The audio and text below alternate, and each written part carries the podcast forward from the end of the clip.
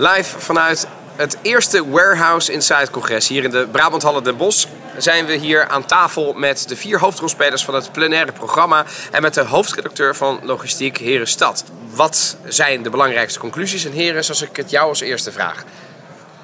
Waar, eh, wat heb jij gehoord? Nou, we zijn heel erg bezig met, met nadenken met elkaar over hoe kun je magazijnprocessen verbeteren, hoe kun je ze automatiseren, hoe ver gaat dat dan, wat blijft er manueel over? Nou, ik denk dat iedereen daar een eigen antwoord op heeft. En dat zie je ook aan de vier uh, mensen die we hier aan tafel hebben. Ehm, iedereen heeft daar zo zijn eigen oplossing voor. En ik stel voor dat we gewoon bij Marion beginnen en vragen... wat heb jij in jouw sessie, wat heb je daar meegekregen en wat is je opgevallen? Nou ja, wat me opvalt is dat ehm, ehm, we, als we het over robotiseren hebben, over maximaal robotiseren, dat je dan ehm, al heel snel in discussie uh, gaat van waarom, waarom zou je dat dan doen en wat is dan maximaal? Welk doel uh, dien je ermee? Wat, uh, wat, wat, wat wil je daarmee bereiken en, en welk probleem probeer je op te lossen? En, en hoe kun je maximaal de, de techniek gebruiken om dat, om dat soort vraagstukken op te lossen? Het was een van de vragen. Gaan we maximaal ja. automatiseren? Of gaan we, die vraag heb jij gesteld. Daar kwam een, een antwoord uit. Roel, jij reageerde daar ook op. Ja, het, het maximaal mechaniseren, vind, dat vind ik altijd een beetje raar. Omdat je het hele proces moet overzien. En volgens mij was iedereen hier aan tafel er wel over eens dat het volledige proces end-to-end uh, mechaniseren of automatiseren, dat dat uh, op korte termijn nog geen oplossing is. Maar wat ik, wat ik vandaag gehoord heb, wat ik heel mooi vond, is dat je niet alleen mechaniseert voor je productiviteit, maar dat je ook mechaniseert voor de duurbare inzetbaarheid van onze medewerkers. Je ziet heel vaak in de, in de media, in het nieuws en ook zelfs in de, in de vakbladen, um, wordt het ook vaak gepresenteerd als ja, maar dat gaat ten koste van. Hè? Een beetje het negatief mhm. neerzetten van, van robots. Terwijl jij zegt eigenlijk, ja, maar als je, als je, als je naar de positieve kanten bekijkt, dan, dan, dan komen mensen er eigenlijk heel goed vanaf. Als je de overtuiging hebt dat je de komende 10 tot 15 jaar nodig hebt om naar volledige gemechaniseerde warehousing te gaan. Dat denk jij ook, hè? Dat denk ik ook. Ik heb, ja. ik heb zeker aangegeven van 15 jaar. 15 jaar, ja. Dan legitimeert het ook om de investering die je nu nog doet, om die in het licht te hebben, dat het die processen ondersteunt. En niet dat het die mens volledig vervangt. Nee, nee, precies. En ik, kijk ook even neer, je zat al een beetje instemmend te knikken. Uh, dit klinkt een beetje als kobolds, toch? Dit klinkt zeker als kobolds, Rijk. En die balans hebben we vanmiddag ook meerdere keren gehoord tussen productiviteit en flexibiliteit. En dat is ontzettend belangrijk. Want onze klant die wil uiteindelijk uh, flexibiliteit. Dat eist hij van ons. Die wil gewoon alles kunnen verkopen en wij hebben dat te doen. Aan de andere kant wil onze klant ook een kostprijsverlaging. Dus daardoor moet onze productiviteit omhoog. En daardoor hebben we mens en machine nodig. Want een robot is ontzettend goed om die kostprijs naar beneden te krijgen. Ja. Maar de flexibiliteit van de robot, ja, dat is een lastig dingetje. Ja. Is dat dan ook iets waar jullie met name bij Wekamp tegenaan zijn gelopen? Dat de flexibiliteit van de automatisering die je een paar jaar geleden hebt neergezet, dat die onvoldoende was en dat je daar iets aan moest toevoegen? Is dat een juiste conclusie?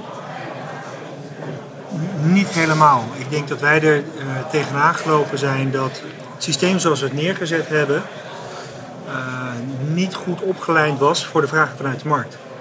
Het is in eerste instantie neergezet als een, een hele grote opslagcapaciteit. Waarbij we uiteindelijk zagen dat vanuit de klant bezien dat helemaal niet interessant is, maar veel meer dat je uh, binnen een, zeer korte tijd uh, heel veel kan pikken, uh, uiteindelijk klaar kan zetten en mee kan geven voor, voor levering.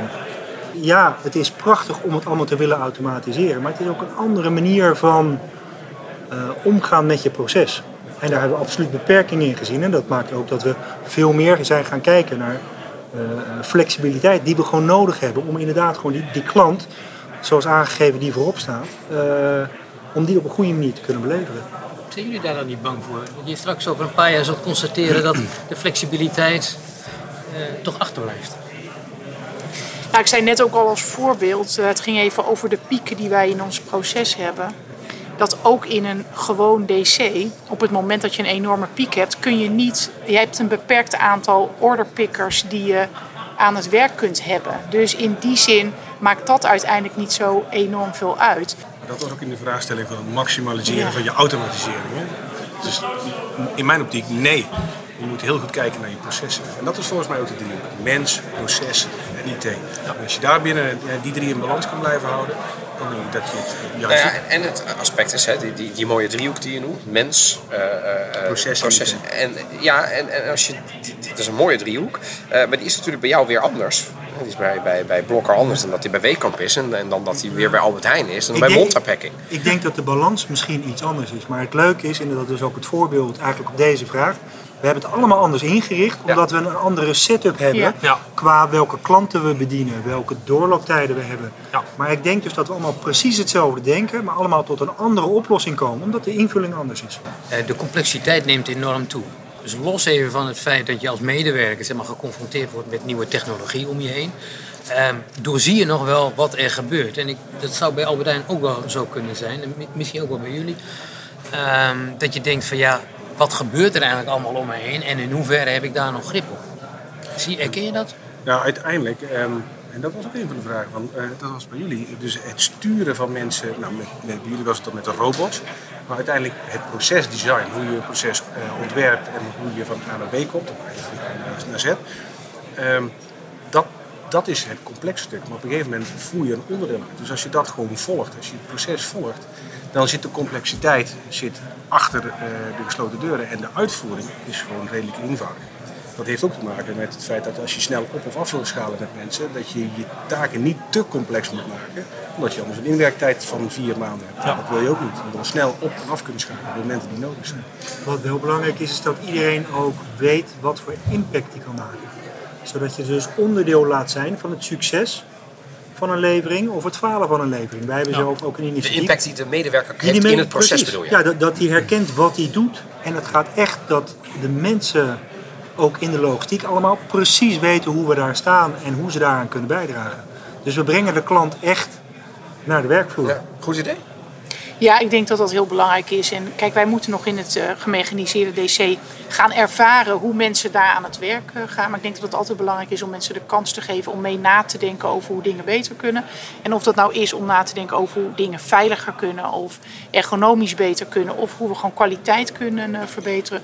Daar hebben we in onze huidige DC's ruimte voor. En daar zullen we ook ruimte voor blijven houden. Dus als iemand bedenkt dit kan slimmer, dan, dan, dan gaan we daarmee aan de slag. En als dat inderdaad slimmer is, dan gaan we het gewoon anders doen. Wij hadden ook natuurlijk nog een andere prikkel, dus we hadden wel wat haast om, eh, om snel te schakelen. Eh, maar wij hebben, ook, wij hebben er drie jaar voor gebruikt, waarin het eerste jaar ook eh, nodig was om de organisatie change ready te krijgen. Ja. Dus eh, het meenemen en betrekken van mensen hebben wij voornamelijk met de lean methodieken gedaan. Maar ook met organizational behavior management. Echt de feedback op gedrag en ervoor zorgen dat mensen ook bewust worden, aware van, van Ja. hun klantbeleving en, en van hun performance. Ehm, dus dat, dat is eigenlijk het eerste jaar geweest in combinatie met het plan schrijven. En daarna is het eigenlijk heel snel gegaan. Bij jou was het toch echt anders, denk ik, eh, bij Monta Ja? Jij, jij, jij zag het grote probleem van Black Friday. En misschien een maand later zag je in de tuinbouw ergens een mooie oplossing. Je zei, dit gaan we doen, klaar. Ja. Geen lange implementatietrajecten en strategiesessies. Nee. nee, bij ons een periode van twee weken tot eh, het moment dat het eerst in mijn gedachten opkwam. Tot het moment dat ik de investering heb gedaan. En dat is een hele grote investering. Maar bij ons werkt dat natuurlijk, ja, als MKB-bedrijf werkt dat natuurlijk anders als bij een corporate omgeving waar je externe aanlouders hebt. eh. Maar die noodzaak was bij jullie ook. We, hebben de- we- hadden daar een noodzaak. Jullie hadden zeker een noodzaak. Een andere type noodzaak. Jullie hadden ook een noodzaak. Want je, je, eh, anders gaat het je handelkosten het jaar erop, toch? Ja, dat, eh, wij hadden een vijfjarenplan hadden wij gemaakt. En eh 2015, 2020. En daarin hadden we gezegd, in die vijf jaar moeten we onze omzet vertienvoudigen. En onze kostprijs, eh, onze arbeidskostprijs moeten we halveren. En toen was ik op de helft van dat traject. En eh, die vertienvoudiging, daar liepen we ruim voor. Die gaan we ook makkelijk halen. Eh, alleen eh, onze productiviteitsverhoging was na 2,5 jaar slechts 3%. En daar had ik wel zoiets, oeh, hier moet wel echt wat aan gebeuren, willen wij die 50% gaan halen. En die moeten wij halen, want de salariskosten die gaan gewoon omhoog. En ja, we groeien ontzettend hard op dit moment, dus we moesten oplossingen hebben. Jij ziet een mogelijkheid en je hapt meteen toe. Je had ook kunnen kiezen voor, ik noem maar wat, autostore. Veel van jouw collega's doen dat. Ehm, dat heb jij niet gedaan. Dat hebben jullie trouwens ook niet gedaan bij, uh, bij. Uh, waarom niet?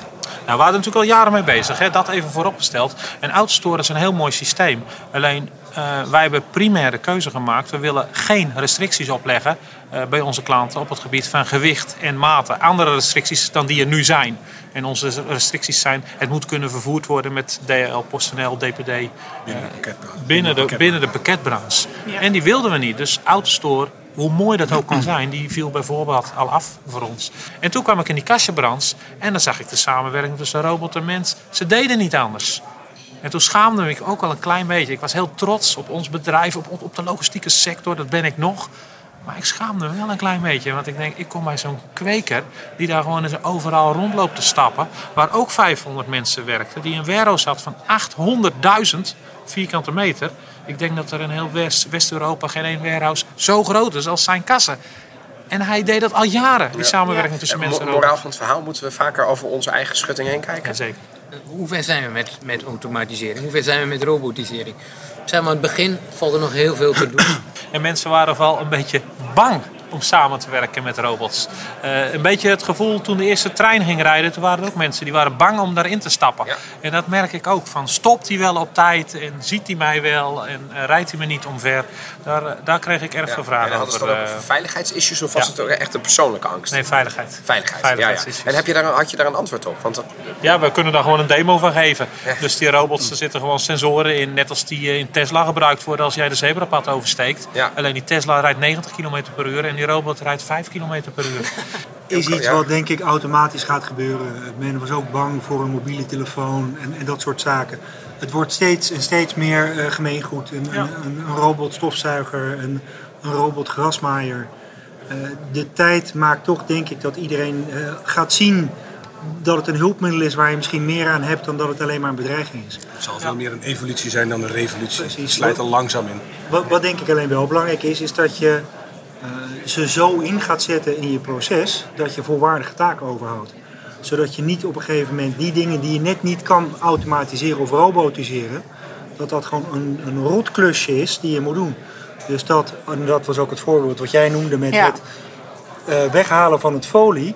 Dan moet je je proces zo inrichten dat iemand daar nog een volwaardige taak heeft.